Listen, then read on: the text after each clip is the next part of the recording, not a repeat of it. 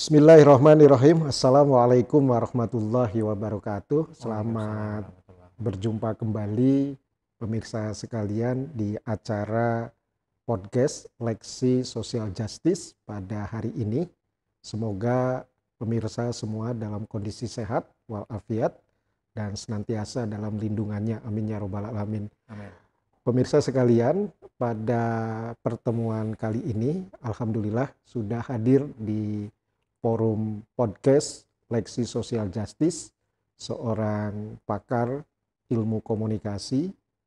Saya tahu persis beliau sudah sangat lama belajar tentang ilmu komunikasi dan alhamdulillah hari ini beliau sudah menjadi guru besar ilmu komunikasi di Universitas Islam Indonesia. Nah, beliau ini sering saya panggil Mas Ading.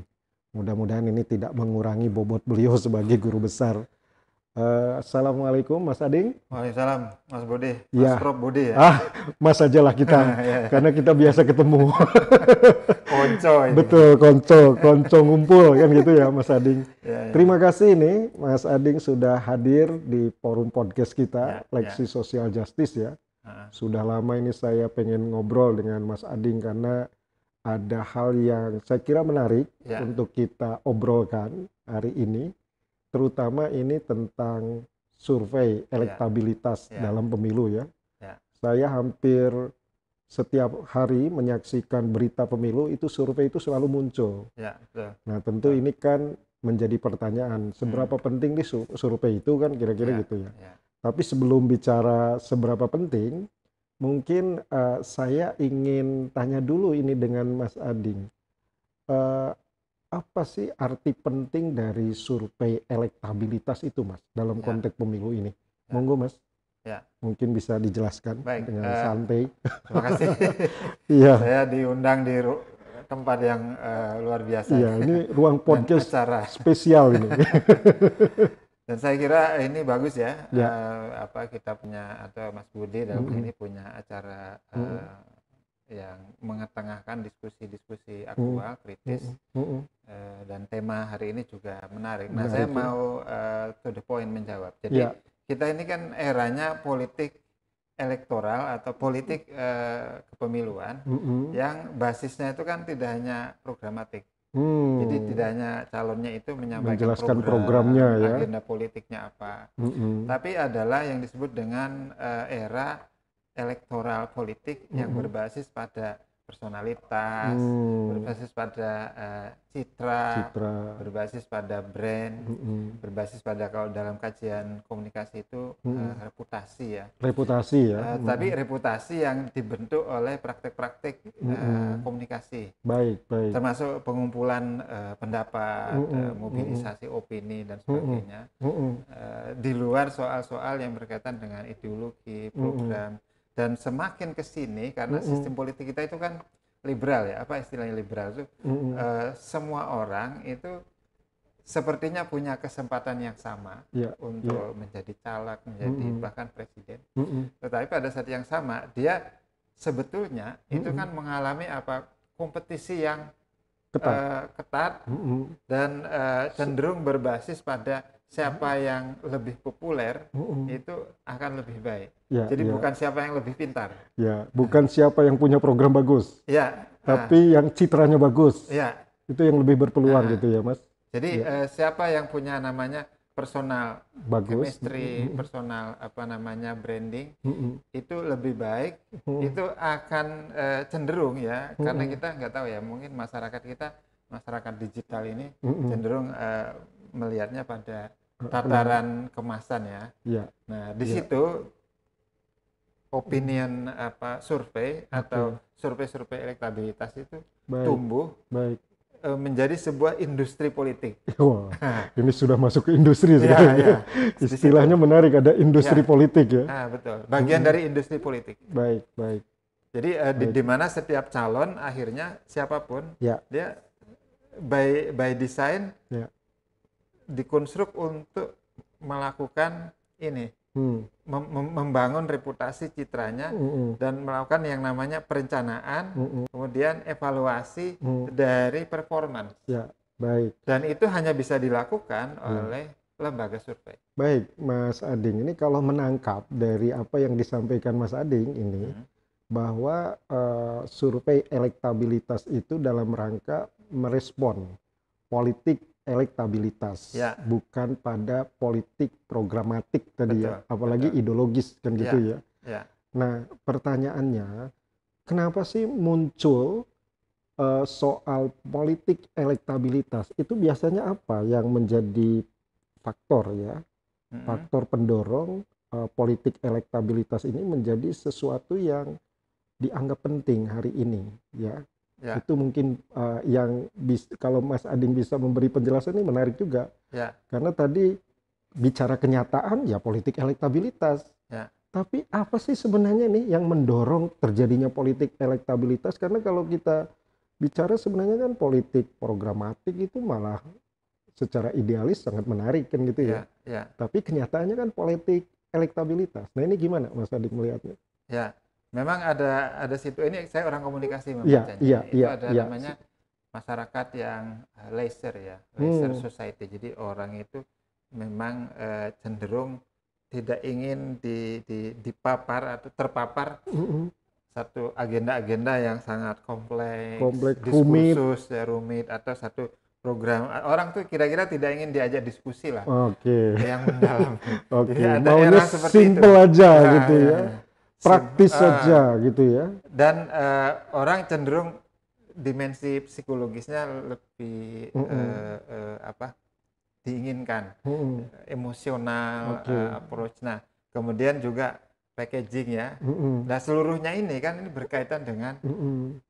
politik elektabilitas tadi. Uh, lebih jauh adalah pencitraan, mm -hmm. jadi uh, reputasi mm -hmm. dan berkaitan dengan bagaimana orang membangun popularitasnya mm -hmm. bukan berbasis pada program, mm -hmm. tapi pada personalitas. Oke. Okay. Jadi misalnya gini, saya kita kasih contoh ya, mungkin boleh, boleh. supaya adil itu jangan yeah. hanya satu paslon ya. Begitu ya. Ketiga-tiganya itu kan yeah. membangun itu. Misalnya yeah. paslon ini membangun image-nya tadinya kan keras aslinya uh, kan. jadi militer tentara. Yeah, yeah. Jadi gemoy. Kemasan yang lain. Iya, iya. Paslon yang lain juga mm -hmm. itu yang tadinya sebetulnya dia mungkin tidak dikenal orang yang humble dengan mm -hmm. uh, apa masyarakat iya. grassroots. Tiba-tiba begitu sangat humble dekat dan sebagainya. Mm -hmm. Yang yang satunya juga sama. Jadi ini bagian dari itu. Ya. Industri uh, apa politik Baik. yang mengandalkan citra, Baik. mengandalkan uh, ini tadi ya. reputasi, performance. Baik ini kalau menangkap dari cerita Mas Ading uh, apa ya politik elektabilitas nggak bisa dihindari saat ya. ini kan begitu ya. ya. Nah tetapi di sisi lain kalau kita sebagai seorang akademisi Mas Ading hmm. ini menempatkan politik elektabilitas sebaiknya seperti apa? Kalaupun itu tidak bisa dihindari. Ya. Dalam konteks pemilu saat ini ya. ya. Mungkin Mas Ading punya pandangan nih sebagai seorang akademisi ya. Politik elektabilitas boleh, tapi bla bla bla kan kira-kira ya, gitu ya. Kan gitu ya, ya. nah kira-kira Mas Ading uh, bisa nggak memberikan penjelasan kepada masyarakat bahwa tadi politik elektabilitas sebuah kenyataan ya. tapi harusnya kan diimbangi dengan hal-hal seperti ini monggo ya. Mas jadi ini kan tidak bisa diselesaikan oleh orang komunikasi gitu ya. Ah, harus melibatkan hukum, bidang ilmu lain ya. Misalnya gini, aturan-aturan mengenai kepemiluan kita itu kan basisnya memang sangat liberal. Mm -mm. Dalam arti gini, mm -mm. basisnya kan one man one food. Ya. Jadi uh, sementara masyarakat kita sebenarnya tidak cukup literate dengan uh, ya kesadarannya ya. itu apa mm -hmm. yang saya lakukan ini dampaknya jangka panjang seperti apa itu nggak yeah. nyampe yeah. nah mereka kemudian melakukan uh, eksekusi pilihan ini pada hal-hal yang yeah. artifisial artifisial nah tadi, ya. jadi menurut saya ini problem regulasi oh, hukum okay. kepemiluan okay. kita okay. yang itu sangat penting untuk dilakukan apa mm. uh, revisi dan sebagainya mm -hmm. karena yang apa industri survei ini mm -hmm. itu kan ikutannya mm -hmm. atau implikasi, dampaknya yeah. memanfaatkan ruang kosong literasi politik itu. Mm. Jadi kalau kita mau misalnya seperti di Jerman ya katakanlah mm atau di Eropa Barat mm. Skandinavia, mm jadi dua-duanya itu uh, dikondisikan. Jadi regulasinya mm memang memperketat bahwa orang baru bisa misalnya menjadi caleg atau mm presiden wapres itu program kerjanya direview betul. Mm -hmm. Kemudian nanti masyarakatnya mm -hmm.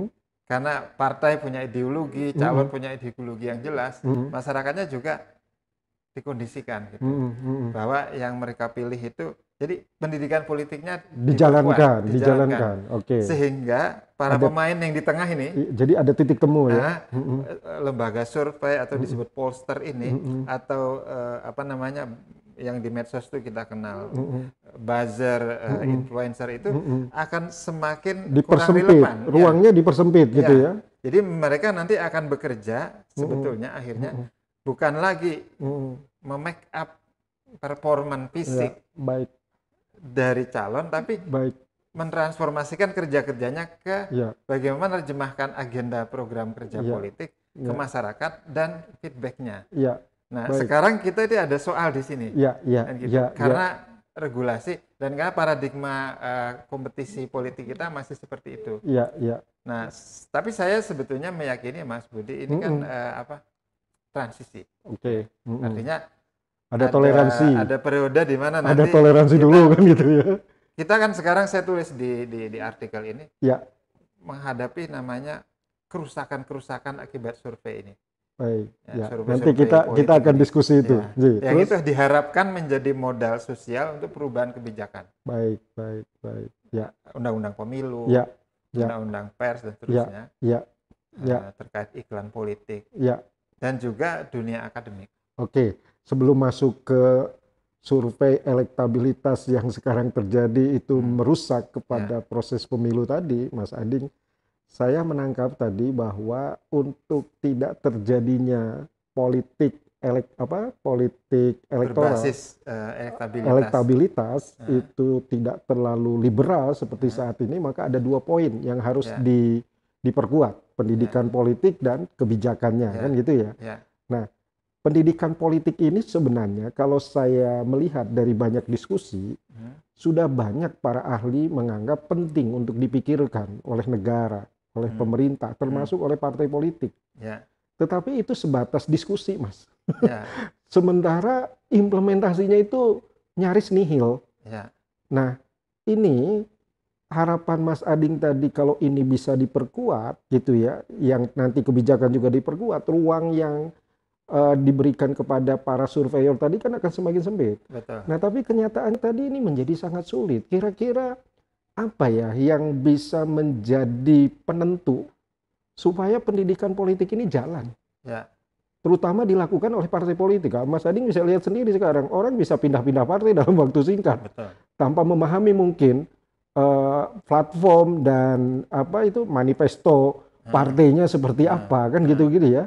Yang penting bagi dia saya dapat jabatan di situ, itu aja. Ya, ya. Nah ini apa yang bisa saya ingin lebih detail lagi sebenarnya. Apa ya. yang bisa kita pakai untuk menjadikan pendidikan politik di Indonesia ini bukan hanya jadi masalah, tetapi hmm. dijadikan itu sebagai solusi sehingga bisa kita wujudkan apa yang Mas Ading sampaikan tadi. Ya. Gimana itu kira-kira? Jadi uh, ada dua sebetulnya. Pertama, Baik. saya setuju ya. pendidikan politik itu kan harus dilakukan oleh sebetulnya oleh partai politik ya. Ya. Nah, kemudian berkolaborasi ya kan. Mm -hmm. Mm -hmm. Misalnya termasuk dengan lembaga survei. Baik. Di samping Oh bisa dengan, melibatkan lembaga survei ya, ya untuk pendidikan politik itu ya. Sejatinya kan ya, pendidikan ya. politik itu juga tugas lembaga survei. Baik. Karena baik. lembaga survei ini aslinya itu kan berasal mm -hmm. dari dunia akademik, dunia oh, riset. Oh iya, betul betul ya, ya. Yang melakukan intervensi. Ya tapi mereka mengalami namanya banyak penyimpangan kan gitu. Iya, iya, iya. Kalau riset kuantitatif kan survei kan kita lakukan setiap setiap tahun kan, ya, ya. rutin gitu. Iya, iya. Tapi motifnya itu yang membedakan. Dan bagaimana posisi etis dari pelakunya. Iya, iya. Nah, yang terjadi kan gini, lembaga survei dengan partai politik itu mm -mm. berkolaborasi. Mm -mm, Jadi ketika okay. dua-duanya ini memang tidak sehat, mm -mm. maka selesai sudah. Baik. Jadi ya. uh, kan begini, misalnya ya lembaga survei ini diuntungkan misalnya partai politik itu mm -hmm. mulai namanya membuat kriteria mm -hmm. seleksi kepemimpinan di dalam partai atau calon-calon mm -hmm. uh, yang mereka dukung mm -hmm. itu dari hasil survei. Iya, iya. Inputnya dari hasil survei. Salah ya? satunya. Oke. Okay. Selalu kan jadi pertimbangan. Ini kira-kira mm -hmm. di daerah ini yang ya, populer betul. siapa baru kita dukung jadi gubernur atau mm -hmm. wali kota. Mm -hmm. Nah, ini saja sudah keliru. Iya. Oh gitu ya. Yang baru, Baru kalau kita bicara metodologi survei itu sendiri, uh, iya, iya. bisa dibayangkan misalnya uh, kita akan saya Mas Budi sebagai mm -hmm. warga negara, mm hmm.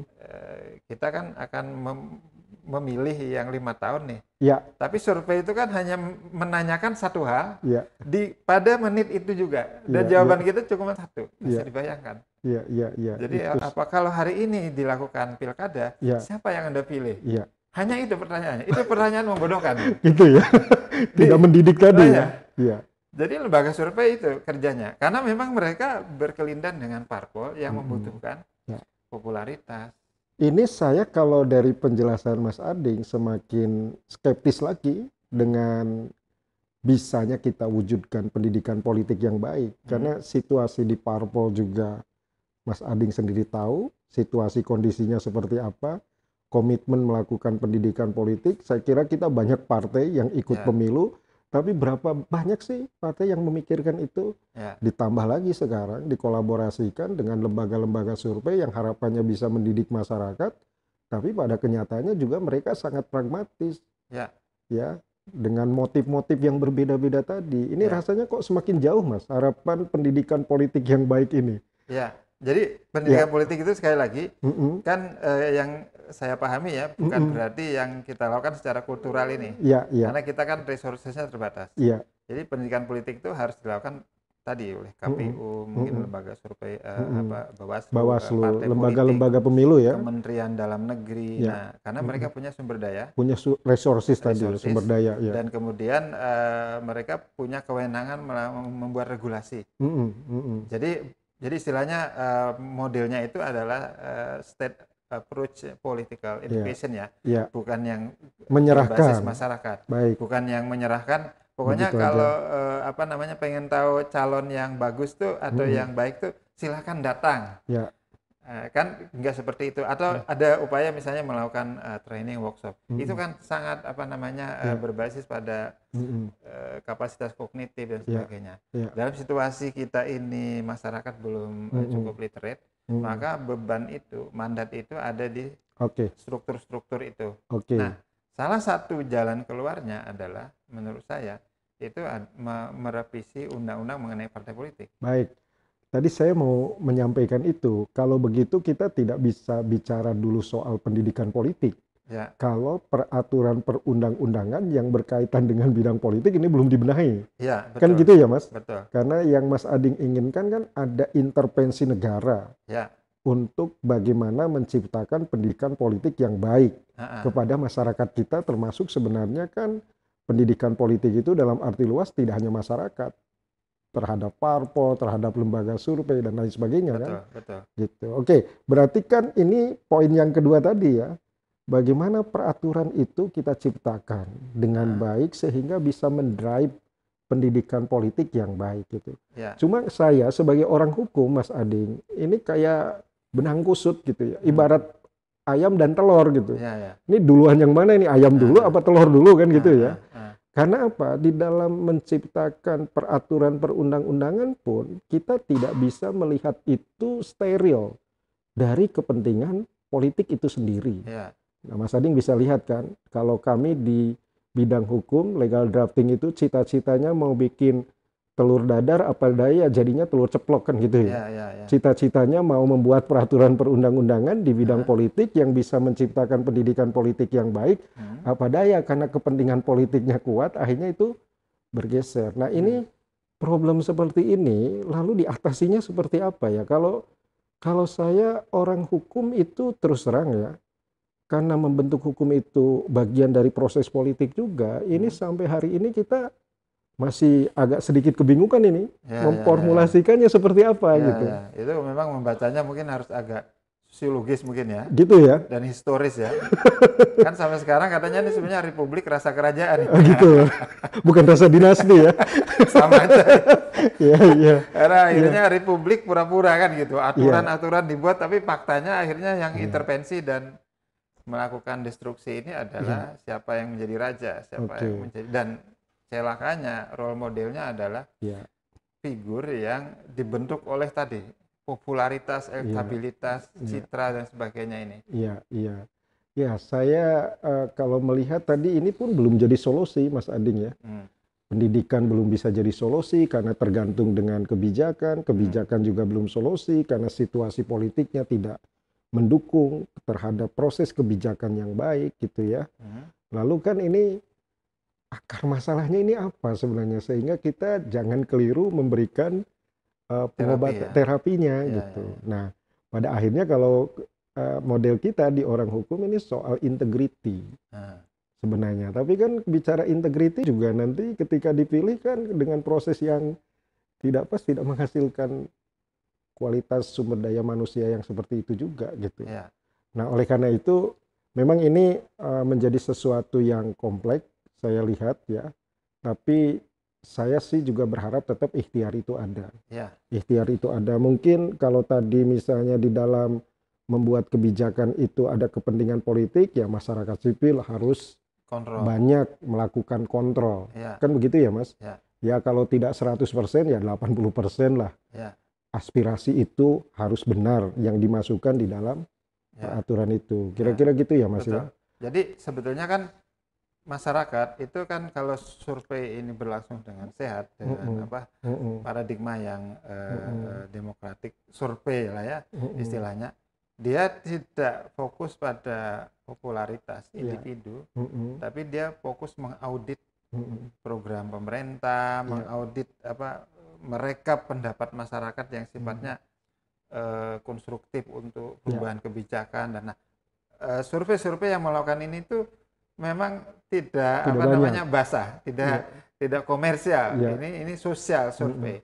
Ya. Ini yang jarang dilakukan. Nah, itu yang saya jadi pertanyaan tadi. Survei itu biasanya dilakukan oleh masyarakat akademik kan gitu ya. Awalnya kalangan ya. intelektual di situ nah, ya, karena nah. itu biasanya basisnya kan riset ya. ya Nah, itu juga mungkin bisa menjadi pintu mestinya ya. Bagaimana lembaga survei ini disadarkan tentang pentingnya menciptakan uh, apa tadi uh, politik yang tidak hanya berbasis pada elektabilitas tapi pada soal programatik tadi. Ya. Nah, dari sisi itu, Mas Ading, ada nggak peluang itu dilakukan kepada lembaga-lembaga survei tadi? Survei. J. Itu bisa dilakukan dengan dua. Kalau itu dilihat sebagai sebuah entitas otonom, artinya mm -hmm. survei itu adalah partisipasi masyarakat, mm -hmm. maka dia harus yang diperkuat kode etiknya kan, mm -hmm. kode etik surveinya dan mm -hmm. lembaga penyelenggaranya. Okay. Tapi kalau sudah masuk ke ranah misalnya resmi, mm -hmm.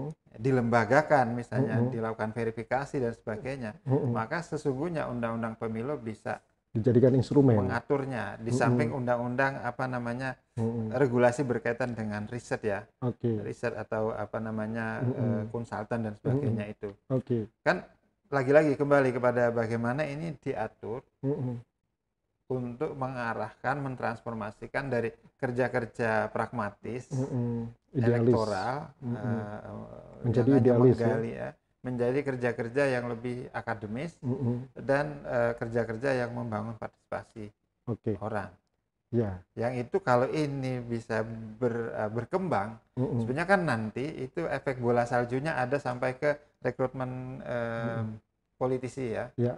Uh, partai politik. Jadi misalnya seorang politisi yang baru baru mau berkarya nih berkarir, dia mm -hmm. kan butuh banyak input mm-hmm. tren mm-hmm. persoalan sosial mm-hmm. yang itu dia, dia belanja dia belanja masalah-masalah sosial ya bukan diterpa bahwa anda tuh di sini tuh nggak populer ya, di sini jadi populer. bukan soal programnya malah populer dan tidak populernya ya. itu ya eh, lalu kemudian mereka itu lembaga survei kemudian melanjutkan posisinya bukan mempertahankan objektivitas hmm. tapi melanjutkan posisinya menjadi konsultan dari politisi atau partai itu hmm. nah, ini kan hmm. makin menceburkan lagi mm-hmm. posisi lembaga survei itu mm-hmm. menjadi partisan istilahnya. Mm-hmm. Nah, Oke, okay, Mas Ading, ini sekali lagi ya, kalau melihat lembaga survei ini yang hari ini terjadi uh, ada kecenderungan ya, survei-survei itu, mohon maaf ini ya bahasa Mas Ading tidak mendidik lah yeah. secara politik dengan baik yeah. gitu ya, di mana informasi itu jadi sesat tidak pada program dari masing-masing paslon, tapi lebih kepada citra dari ya, masing-masing paslon yeah. ya. Nah, sebenarnya yang Mas Ading amati ya, itu daya destruktifnya hari ini survei elektabilitas itu seperti apa, Mas? Pertama, mm -hmm. ya kita bisa lihat dari daya apa e, rusaknya pada mm -hmm. sistem rekrutmen kepemimpinannya. Hmm. Mulai dari level bupati sampai ya, dari daerah sampai pusat ya. Presiden. Hmm. Atau kalau kita bicara partai politik sebagai pendidikan uh, kader hmm. uh, politisi, dia merusak di situ. Hmm. Tadi dia merubah frame hmm. bahwa seseorang yang mau menjadi politisi dan hebat mm-hmm. dan sampai di level misalnya presiden mm-hmm. itu yang pertama dia harus pikirkan adalah popularitasnya. Mm-hmm. Nah, makanya itu, isinya itu, isinya artis semua ya.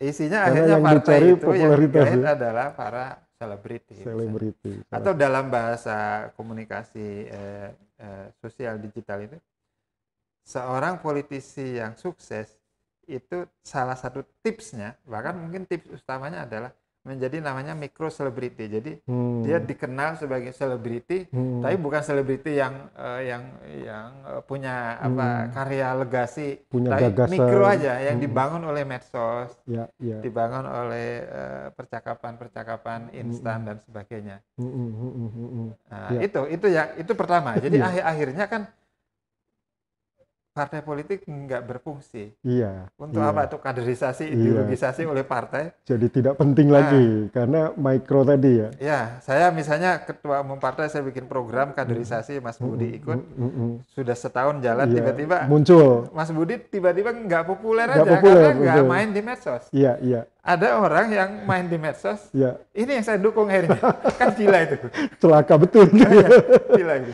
Celaka betul. Iya, iya. Jadi ada namanya uh, kerugian dari rekrutmen kepemimpinan. Kita mm -hmm. bisa lihat sekarang mm -hmm. dua periode ini. Yeah, yeah. Itu dampak Buruk buruknya. ya. Dalam bahasa uh, riset-riset uh, ekonomi politik sekarang itu, mm. bagaimana lembaga-lembaga survei termasuk dunia akademik mm. bukan mendukung demokratisasi iya. kepemimpinan yeah. politik, tapi sekali justru melanggengkan otoritarisme hmm, ya. karena kelompok-kelompok otoriter ini kan hmm. masih kuat hmm. dan mereka punya modal besar hmm. hanya mereka yang bisa membiayai survei hmm. dan seterusnya hmm. dan mereka yang bisa beli partai politik hmm. orang-orang yang kayak kayak kayak Mas Budi kayak saya kita, kita nggak laku gitu ya ya kita punya modal akademik atau yeah. apa Iya. Nggak bisa. bisa iya, iya. Dan itu survei punya kontribusi di situ. Iya, iya, iya. Karena survei ini kan ya mereka pragmatik ya. Iya. Siapa yang bayar lebih besar mereka akan ya. melayani gitu. Itu ya. itu baru satu. Iya. Ya. Kerusakan berikutnya setelah terpilih. Iya. Setelah seorang terpilih jadi presiden, jadi hmm. apa uh, gubernur, menteri dan seterusnya. Iya dia akan punya pola pikir untuk mm -hmm. tetap mempertahankan bagaimana caranya popularitasnya Kerjanya. daripada bikin program yang real. Bahkan cenderung menghalalkan juga ya. Maksudnya? Menghalalkan segala cara maksudnya kan ya. supaya popularitasnya itu tetap terjaga kan. Uh, jadi dia artinya sangat... misalnya ingin dilihat populis kan kira-kira gitu. Nah. Tapi pakai uang negara kan kira-kira gitu ya. Sembako pembagian sembako, sembako contohnya itu, itu. Salah satu contoh. iya, iya, iya. Ya. Jadi uh, orang kemudian begitu khawatir mm -hmm. popularitasnya turun, ya. tapi tidak khawatir kalau program kerjanya nggak jalan. Oke. Okay. Program politiknya okay. nggak ya. jalan. Mengerikan sekali ya mas ya, kalau ya. melihat dari cerita Mas Ading tadi. Hmm. Artinya tidak hanya pemimpin yang buruk, tetapi akhirnya masyarakat jadi korbannya. Betul. Karena mereka lebih peduli pada diri mereka hmm. daripada peduli kepada rakyat dan masyarakat kan ya. gitu ya. ya. Tadi bahasa Mas Ading itu bagaimana caranya citra dia tetap positif meskipun korban apa program yang dia korbankan kan kira-kira gitu ya. Betul. Ya, cukup jadi, Jadi itu selalu yang menjadi tujuan gitu. Ya. Bukan program itu sendiri terlaksana, ya. tapi bagaimana ya. reputasi performance itu ya. terus tinggi. Oke, Mas. Dan itu menjadi komoditas memang hari ini. Jadi ya. misalnya ya. kenapa masih kuat dukungan kepada Pak Jokowi dan ya. seterusnya. Iya. Karena konon kan approval ratingnya tinggi. Iya, katanya nah, 80 persen. Yang bikin itu kan lembaga survei. Mm -mm, betul. Yang dengan pertanyaan yang sangat simpel tadi. Dan itu diyakini sebagai kebenaran yang absolut kan? Betul. Seolah-olah itu tidak bisa di, dianggap salah kan gitu hmm. ya. Hmm. Sementara mekanisme, proses dan prosedur yang dilakukan bagi kita itu jadi pertanyaan kan gitu ya. Betul. Kayak mm -hmm. saya nggak bicara metodologis ya, itu orang mm -hmm. statistik lebih tahu ya. Iya. Tapi iya. ini praktek-praktek ini, ini kan mm -hmm. melanggar etika akademik yeah. sebagai kerja riset, yeah. sekaligus mengalami politisasi. Yeah. dan seterusnya dan ini menjadi komoditas. Ya. Ketika dia menjadi komoditas, maka hanya orang yang punya uang yang bisa beli. Ya, punya modal. Nah, ada risiko lain yang sebenarnya orang belum belum banyak tahu. paham. Hmm. Begitu rupa survei ini eh, apa me, apa menggurita sejak hmm. 2014 sampai hmm. sekarang, hmm. itu membuat figur-figur pemimpin nasional kita hmm. itu hanya dari kalangan oligarki atau orang Jawa. Hmm. Paham ya? Hmm. Oke, bisa Jadi, dijelaskan mas, lebih detail. Misalnya mas. survei itu mm -mm. kan dia berbasis angka, uh -uh. Terutama angka pemilih. Mm -mm. Pemilih banyak kan Jawa. Ada di Jawa, betul. Dan orang Jawa tentu tahunya hanya yang di Jawa. Yang di Jawa. Iya, iya. Jadi ketika survei itu ditanyakan kepada hmm. orang Jawa, otomatis di benak mereka adalah orang Jawa. Orang Jawa. Jadi Sementara, Jawa sentrisme dilanggengkan oleh survei ini. Hmm, iya, iya, iya, iya, iya, betul. Makanya tidak heran sekarang Jawa semua ya. Coba lihat presiden kita. Iya. Ya mungkin wapres ada satu dua, tapi ya. dia tetap mencoba menjadi Jawa. Iya, iya. Karena dalam rangka uh, jumlah pemilih yang besar. Ya. Dan survei bekerja hanya di situ. Ya. Gitu. Mm -mm. Nah, kemudian oligarki. Oligarki. Karena ya. dia yang punya modal besar. Ya. Balik lagi. Hmm. Biaya survei mahal. Ya. Mahal sekali. Kemudian hmm. biaya konsultan dan seterusnya. Hmm, hmm, hmm, hmm. Dan jangan lupa kalau udah bicara konsultan, bicara publikasi hasil. Ya. Yang eh, ini juga menurut saya merusak. Jadi saya hmm. mengkritik beberapa kawan yang saya kenal hmm. yang menjadi polster itu. Hmm. Yang polster, kita ya. tahu lembaga-lembaganya. Hmm, ya. Misalnya kalau mau di politik carta. nama ya. Hmm. Carta, politik, ya. kemudian ya. indikator politik, kemudian LSI, LSI, LSI, hmm. itu ketika mereka menjelaskan hasil, hmm. Itu saja sudah tidak objektif. Hmm. Karena apa? Mas Budi yang bikin riset, hmm. Mas Budi yang mengolah, yeah. Mas Budi yang menjelaskan sendiri. iya kan? Di monopoli ya. Jadi jeruk makan jeruk. Jeruk makan jeruk. Gimana itu? Iya, iya, Jadi ya. kalau dia mau objektif, dia harus melibatkan mm -hmm. apa ya independent reviewer ketika yeah. setiap kali dia menyampaikan itu. Yeah. Kalau dia mau bahwa dia ingin pendidikan politik. Jadi jangan dia yang mengomentari ya, harusnya ya. pihak lain ya. Dia hanya menyajikan data. Data yang nah. menganalisis, menginterpretasinya ya. pihak lain ya, biar objektif. Tapi dia juga dituntut secara etik transparan kan? Ya. Nah ya. itu yang selalu disembunyikan. Tidak pernah terungkap. Nah kita nggak tahu ini metodologinya seperti apa. Makanya ada beberapa parpol bilang lah itu kan survei dia, survei kami kan beda lagi kan nah, kira-kira gitu ya. ya. Karena tidak transparan tadi. Ya, saya masuk ke isu bagaimana konflik mm -hmm. of interest dari pollster itu. Mm -hmm. Yang itu Bayangkan mereka itu rata-rata pendidikannya tinggi loh. Betul. Polster itu. Lulusan Ada yang profesor loh. Iya. Saya nggak perlu nyebut nama iya. ya. Mas Ading, ini saya jadi tertarik untuk bertanya. Mas Ading ini kan banyak bergaul nih dengan teman-teman surveyor dan lain sebagainya. Nah. Rasa kebatinan mereka apa sih selama ini? Saya ingin tahu dengan cerita Mas Ading tadi bahwa ini loh dampak destruktifnya itu kayak begini, melanggungkan hmm. oligarki, ya kan, tidak fokus dengan program. Hmm Iya kan? Jawa eh, sentris. Uh, Jawa sentris kan gitu ya. Uh, uh. Ini saya ingin tahu nih, mungkin Mas Ading punya informasi. Ini seandainya Mas Ading punya informasi ya tolong disampaikan di sini. Uh, uh. Perasaan batin mereka, suasana kebatinan mereka sebagai surveyor itu seperti apa sebenarnya? Ada nggak uh, uh, informasi, Mas? Tapi kalau tidak ada ya apa. Tapi kalau ada sebaiknya ini diceritakan karena bagi kita masyarakat ini kan bertanya-tanya. Iya. Iya kan? sudah tahu dampaknya seperti itu kok mereka sendiri tidak berupaya berbenah kan gitu ya. Jadi kalau saya ditanya apakah mereka sudah suasana well informed dengan dampak mm -hmm. ini, saya dampak. kira ya. Oh gitu mereka ya? semua para akademis juga kan. Mm -hmm. Tapi mereka itu mungkin ya, similar atau analog dengan pengacara. Gimana itu? Ya, pengacara kan siapa yang uh, memakai jasa saya, saya profesional. Ya, kalau pengacara itu kan, gitu kan, berhasil tidak berhasil tetap berhasil kan gitu. Jadi ya.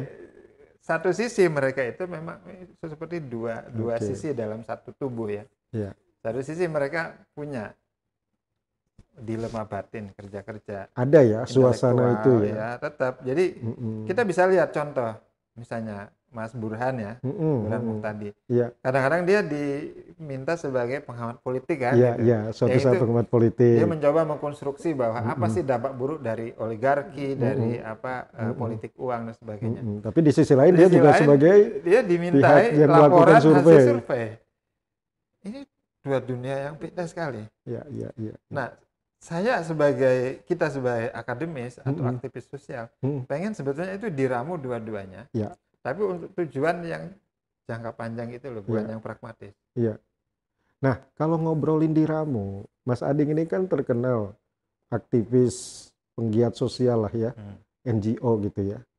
Teman-teman NGO yang memiliki idealisme tinggi dalam konteks ini, pernah nggak melakukan dialog dengan teman-teman di lembaga survei ini, hmm. agar ada semacam kesadaran baru lah bahwa memang ini keliru yang dilakukan ini. Kita harus mulai nih berbenah, memperbaiki. Kita ya. tidak berpikir diri kita, tapi kita berpikir bangsa ke depan ini kan itu ya. Ya. Nah, gimana Mas Ading? Ada nggak dialog-dialog seperti itu? Saya kira dulu pernah ya ada mm -mm. kehebohan kan tahun mm -mm. 2000 mungkin 14. Mm -mm. Sehingga muncul gagasan tentang kode etik Oh, kode etik survei itu, ya. Okay. Itu kan dari teman itu gagasannya NGO di Jakarta. Kemudian oh. ketika survei kok beda-beda. Oke, okay, oke. Okay. Dan seterusnya cenderung partisan. Iya, iya. Dan tiba-tiba lembaga survei yang kita tidak tahu bermunculan kan gitu. uh, yeah, nah, yeah, itu yeah. lalu ini perlu gitu loh penataan. Ekosistem survei. Iya, iya. Nah, melalui kode etik. Oke. Nah, jadi pernah kita, ya? Pernah. Lalu kita kan punya pengalaman sekian tahun. Kode etik ini nggak mempan gitu loh. Nggak efektif juga nah, ya. Hmm. Jadi namanya kode etik kan iya. tidak mengikat ya. Tidak ada sanksi yang keras di situ nah, ya.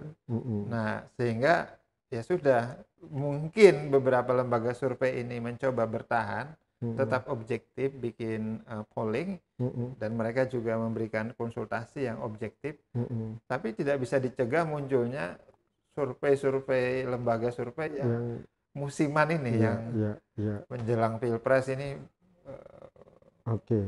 tidak ya.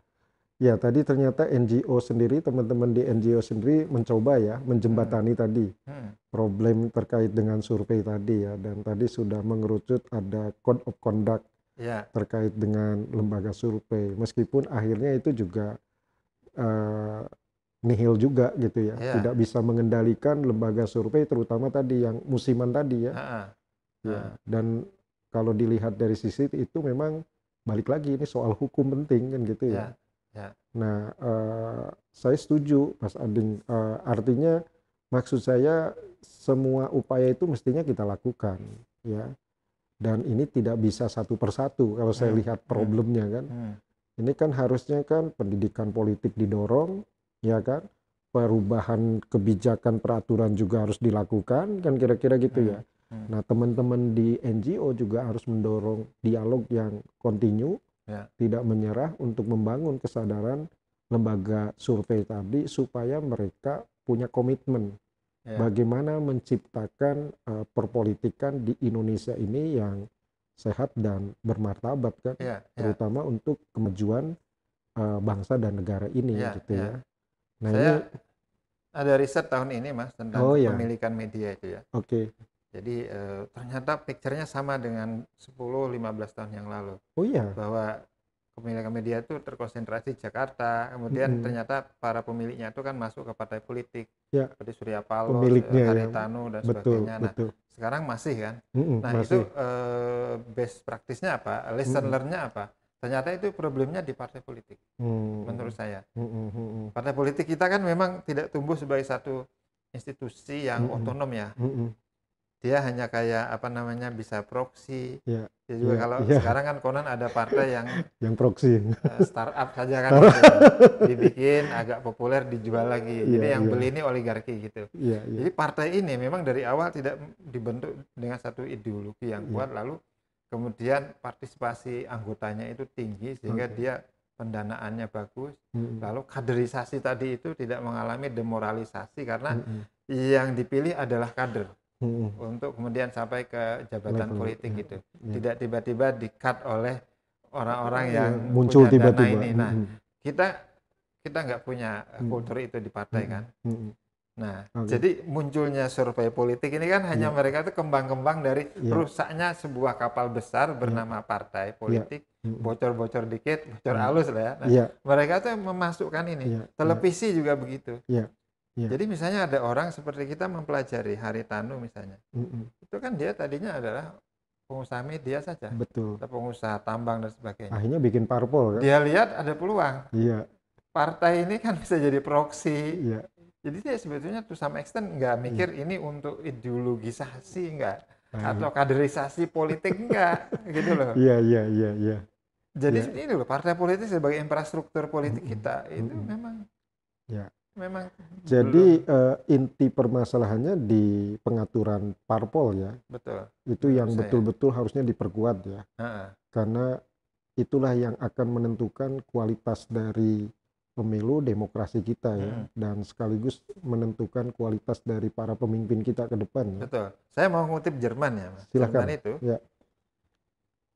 Ketika ada orang yang punya media mm -hmm. atau jadi jurnalis, mm -hmm. praktisi media termasuk mm -hmm. praktisi survei yang mm -hmm. punya konflik of interest. Mm -hmm.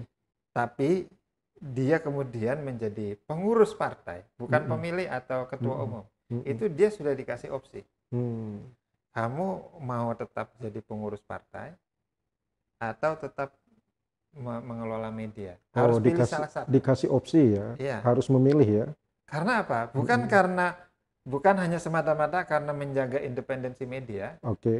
tapi menjaga reputasi partai politik ya, baik ya ya jadi itu, partai politik itu dia menjaga betul reputasinya ya, ya.